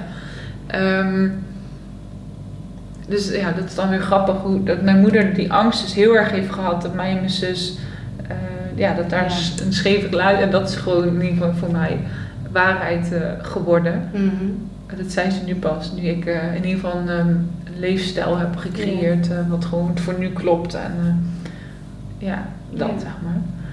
Alleen ja, je komt dan, je komt gewoon heel veel tegen, ook gezondheid. En dat vind ik ooit nog wel moeilijker, dat ze echt op de gezondheid gaan spelen. Mhm. Van de visolie tot zeewier, nou ja, bedenk het en het is er hè. Ja. Geloof jij dat er een uh, dat je je voeding zo divers en gevarieerd kan eten dat je geen voedingssupplementen nodig hebt? Dat vind ik een hele lastige, want ik weet niet hoe, uh, hoe een lichaam reageert op, uh, op bepaalde voedingssupplementen. Het is hoe gezonder de bodem is waar de groente en fruit op geteeld wordt en de granen, hoe meer voedingsstoffen er in de plant of uh, de, ja, de, boom of het fruit zit. En uh, daarom is er nu ook zoveel aandacht hè, voor het milieu. Ja.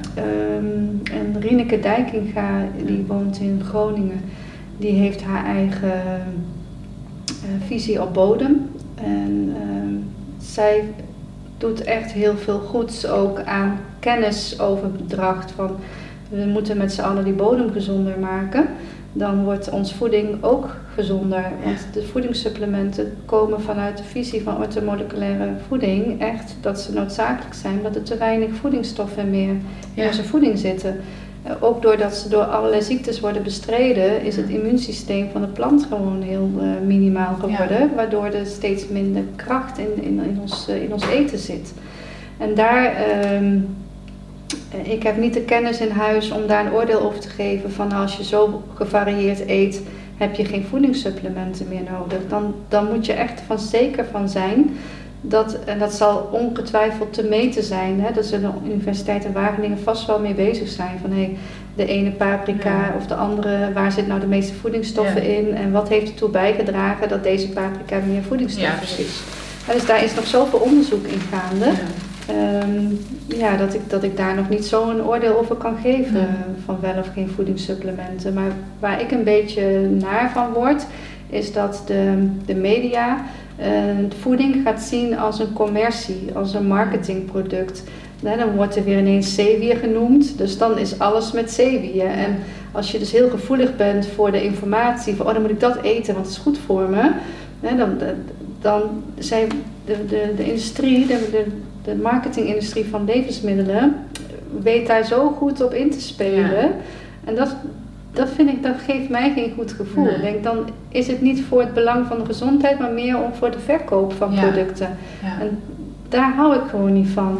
En ik ben er gewoon van overtuigd dat als je alles uh, zo inderdaad gevarieerd mogelijk eet, uh, krijg je overal wat van binnen. En dat is het beste. En ik geloof er wel in dat biologisch daarin gezonder is dan niet biologisch, omdat er minder aan gekunsteld is en minder bestreden is en de voedingsbodem wat meer aandacht krijgt.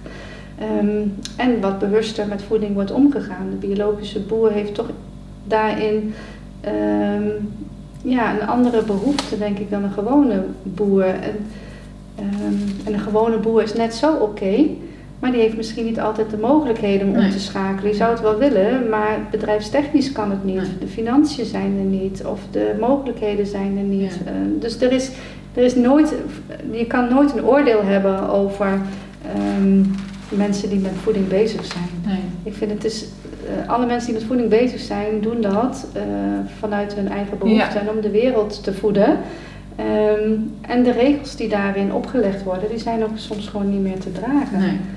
Dus nee, um, ik wil niet nu dat, het, dat ik met dit gesprek zeg van de biologische boeren zijn beter, weet je? Nee, nee maar dat heb je net wel denk ik geschetst. Ja. Het is er gewoon allebei. En, ja. Uh, ja, kies.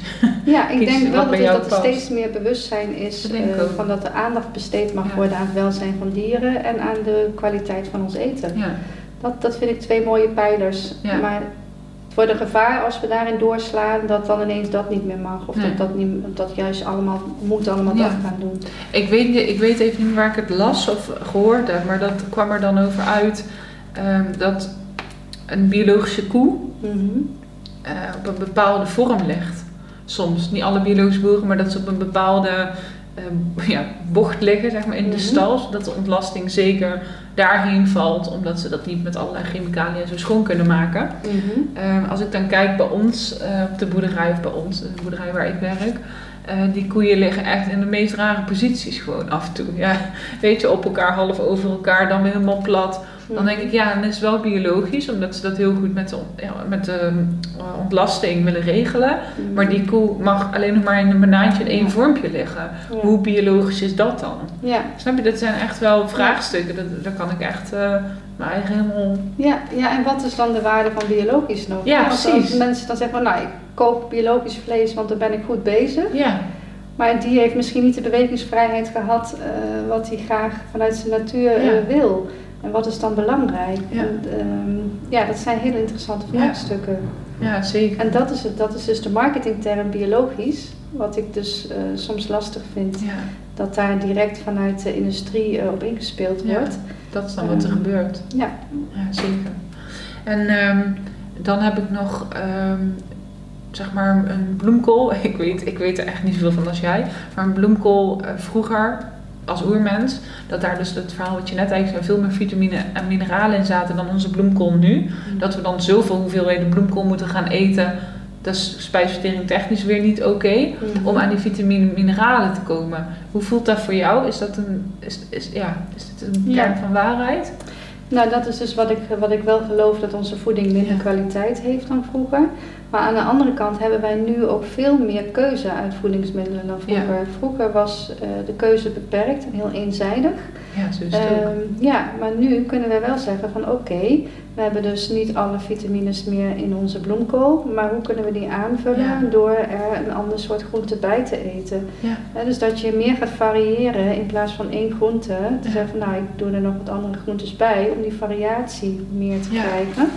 Um, natuurlijk kun je daar ook met supplementen bij op aanvullen, maar er is zo'n uh, schat aan informatie als je kijkt van oh ja, maar ik kan het ook uit andere producten halen.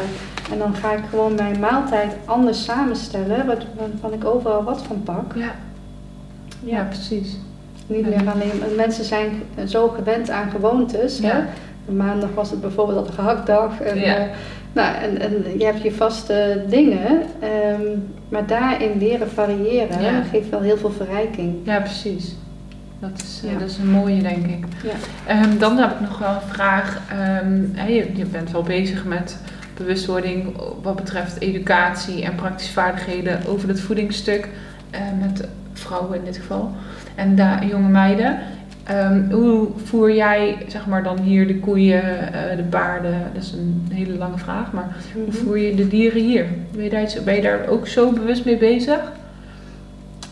Nou ja, weet je, het is zo dat um, ik altijd wel uh, het welzijn van de dieren het belangrijkst vind. Een dier moet zijn natuurlijke behoeftes kunnen vervullen. Dus we hebben een vrije inloopstal uh, voor de paarden, zodat ze zelf kunnen kiezen: wil ik naar binnen of wil ik naar buiten. Mm. De bewegingsvrijheid in alle tijden hebben. Uh, het ruwvoer is natuurlijk het allerbelangrijkste voor paarden, dus er zit gewoon heel veel ruwvoer. Um, weinig krachtvoer, tenzij er heel veel bewogen moet worden, maar dat is in mijn geval niet. Dus er is wel een bewuste keuze in energie wat, die, wat ze binnenkrijgen. En, um, we hebben nu toevallig gisteren weer gehooid, maar dan kijken we echt naar dat het een grove structuur heeft, zodat het uh, goed voor de vertering is, uh, moet, veel moet, moet kouwen. En uh, dus we kijken wel naar de samenstelling van ons weiland op dat gebied. Je hebt je eigen hooi het hele jaar rond. Ja, we hebben ons eigen hooi en ons eigen weiland. En daarin kun je natuurlijk heel veel managen. Ja. En um, we hebben wat vitaminekoeken bijvoorbeeld voor de, voor de koeien. Uh, omdat als ze drachtig zijn en uh, ze hebben ook nog een kalf wat zoogt, dan onze kudde loopt gewoon altijd bij elkaar. Hè? Dus de kalfjes blijven bij de moeder. En sommige koeien moeten dus en een kalf zogen en hebben ook nog een kalf in hun buik. Dus dat vraagt gewoon extra energie. Ja. Dus dan krijgen ze gewoon vitamine koeken, om dat aan te vullen. Omdat in, in de winter is het natuurlijk alleen ja. hooi. En dan moet je gewoon hopen dat het hooi van goede kwaliteit is. Ja. En anders moet je het aanvullen. Ja. Dus in principe krijgen de koeien en de paarden alleen ruwvoer, mits er ja, extra energie nodig is. Begrijp ik jou nog goed? Ja. Oké. Ja, en gras dan wel. Hè? Ja, ja. de koeien hebben natuurlijk heel veel gras. En de paarden hebben niet veel gras. Dat is voor de paard toch wel kan heel gevaarlijk zijn. Ja, zeker. En die, um, doe je ook analyses op je hooi? Ik laat geen analyses doen, nee. Nee, want uh, dat is nu ook weer een hype, -hmm. om het zo maar even te noemen. Dat ze analyse doen en dan daarvan dan gaan bijvoeren. Ja. Ja. Maar heb je het dan over koeien of paarden? Bij de paarden. Ja. ja. De hooianalyses. Maar ja, dat is dan is, is dan van een plak, vraag ik me dan gewoon even af, hè, van zo'n plak, dan doe je van dit stuk hooianalyse, mm. is dat dan rendabel voor die hele plak? Dat, het lijkt ja, me zo moeilijk. Want het wisselt natuurlijk. Ja. Bepaalde plekken in een weiland kunnen ja, hebben, een andere samenstelling dan andere plekken. Ja. En het is natuurlijk seizoensgebonden. Maar het is ook uh, de vraag van uh, het ene paard uh, ja, heeft een andere stofwisseling en een andere verbranding. Ja. Dus het kan wel een, uit een analyse kan misschien wel een heel positief iets komen. Maar het kan best zijn dat als een paard bijvoorbeeld uh, wat minder goed is in zijn, in zijn pancreas of ja. lever, dat het helemaal niet daarmee uh, geholpen Leuk, is. Nee. Uh, dat je juist een andere samenstelling moet ja. hebben. Dus dan moet je het zo goed onderzoeken van wat is de bloed, wat zijn de bloedwaardes van ja. een paard. En ja, dan vraag ik me ook af van wat is je doel daarmee? Is, het, is, het, is het paard zo ongezond dat, het, dat dit nodig is? Ja. Um, heeft het paard klachten? Heeft het vachtproblemen, hoefproblemen, ja. ademhaling? Wat, wat, wat, wat is de reden om dat helemaal uitgekristalliseerd te hebben? Of is het gewoon weer een dingetje van, eh, hè, waar weer op ingespeeld wordt op de emotie van een paardeneigenaar. Van, hè, dat moet je allemaal doen voor het welzijn van je paard. En ik denk dat paarden ook zelf heel goed in staat zijn om eh, te overleven met dat wat er is. Dat ze Ja. ook wel meegaan in de evolutie van Ja. eh, ja, waar ze nu gehouden worden. En ik denk als je heel goed kijkt naar hoe je paard is, ehm, wat hij uitstraalt aan energie. En als je gewoon goed weet van ja, paarden zijn gewoon niet voor een vette wei bestemd. Ja. Vroeger eh, liepen ze gewoon afstanden en ze knibbelden overal wat. En wij gooien ze gewoon gooien ze in een wei waar altijd te eten is. Ja. Weet je? Dan ga je voorbij aan de natuurlijke behoeften van een paard. Ja. Dus als je daarop inspeelt, Ja, we proberen ze nou natuurlijk met die Paddock Paradise ook zo mooi eh, terug te creëren. Ja. Als je dat goed doet, dan is natuurlijk ook wel iets van te maken. Ja. Ja. En wat is het beste hondenvoer? Het beste hondenvoer, dat weet ik echt niet. Ik kijk altijd wat mijn hond het lekkerst vindt. En die, die heeft gewoon zijn voorkeur. En ik hoef ook niet van merk te, wij- te, te Oké. wijzigen, want dan hoeft ze het niet meer. Dus, eh, Maar nee, brok of vlees of blik, wat, wat voer jij bij alleen brokken, geen, eh, geen blik. Dat, eh, ja, daar heb ik toch van ge- geleerd dat mijn honden daar heel snel dik van worden. En ik heb daar zelf ook een gevoel bij dat er veel te veel dingen in zitten die onnodig toegevoegd zijn om het vetter, zouter Ja. op smaak te maken. En de brokken zijn gewoon goed voor het gebit en voor de vertering. En zijn ontlasting is daar gewoon heel goed op. En ehm, ja, ze krijgen bij mij ook echt wel af en toe wat van het avondeten mee. Ja. Ja, restjes Ja. ze ook lekker.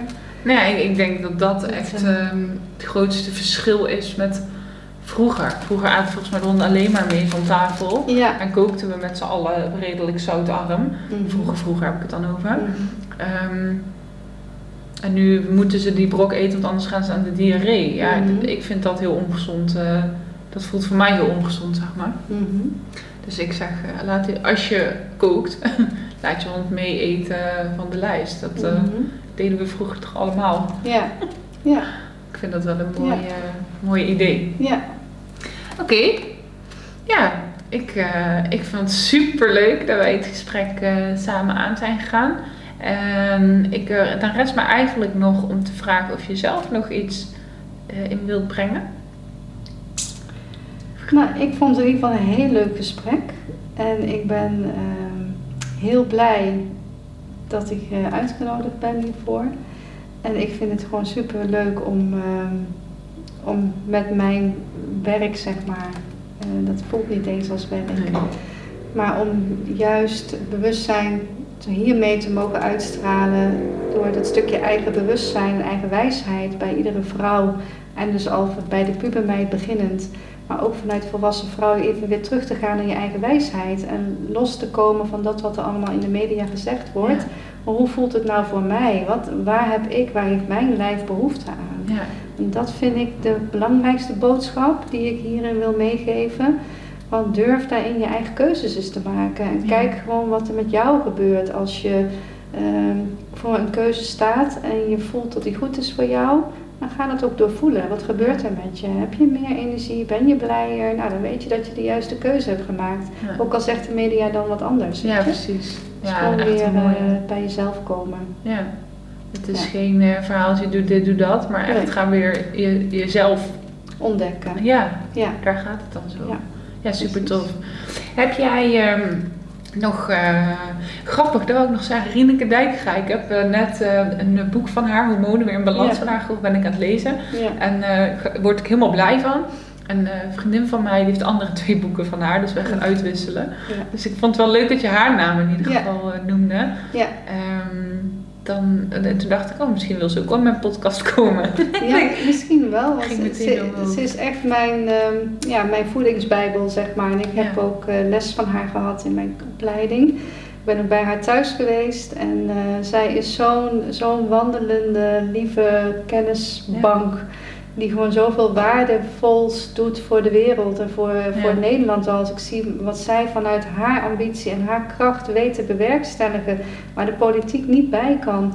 Maar waar zij gewoon regionaal, lokaal mee bezig is, daar heb ik gewoon alle lof voor. En zij heeft op een laagdrempelige manier, heeft zij met gewone taal, weten over te brengen wat voeding is en wat het met je doet. Ja, Zonder in, eh, in, in moeilijke termen te spreken. ja Dus voor mijn eh, gevoel ook zonder in al die MLM-constructies te zitten.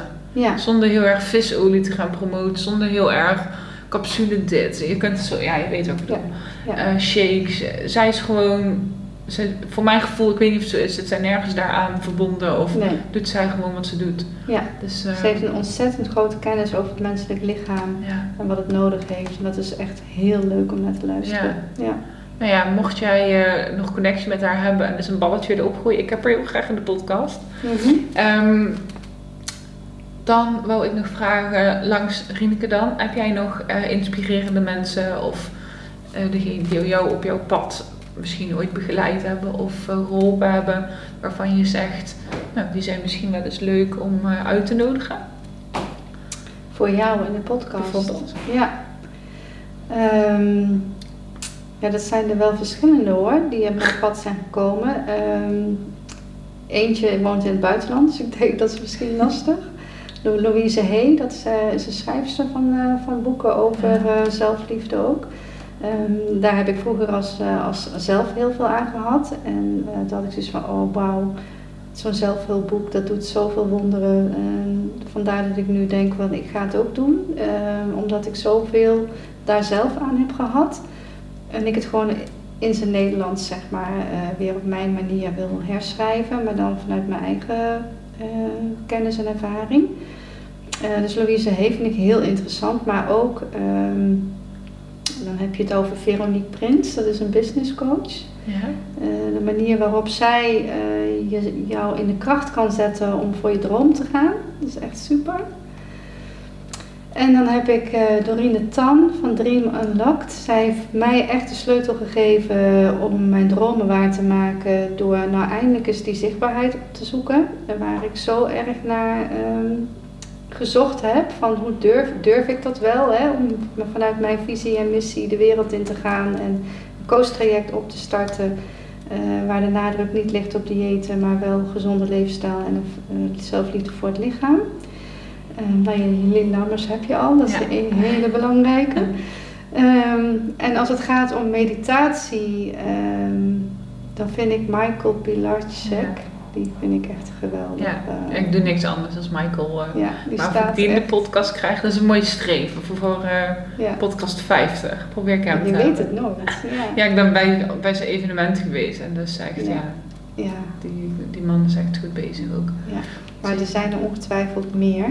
Ehm, Ja, maar je mag ook altijd nog naar de hand eh, Ja. als je nou niet opkomt. ja, Dus je mensen het niet doet, dan... eh, nee, niemand vergeten. Er zijn zoveel mensen die bij hebben gedragen. ja, tuurlijk, dat Ja. is ook zo. Maar het is gewoon nu wat oplopt en dat is dan wat er is. Ja. Het is gewoon leuk voor mij om, eh, voor, voor de luisteraars, om eens wat terug op te zoeken of te Mhm. kijken.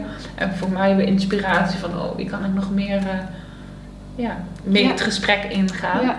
Ja. Dus daar gaat het dan vooral over. Nou, Ja. mooi. Dan wil ik je super bedanken en dan eh, ga ik hem hier afronden. Dankjewel.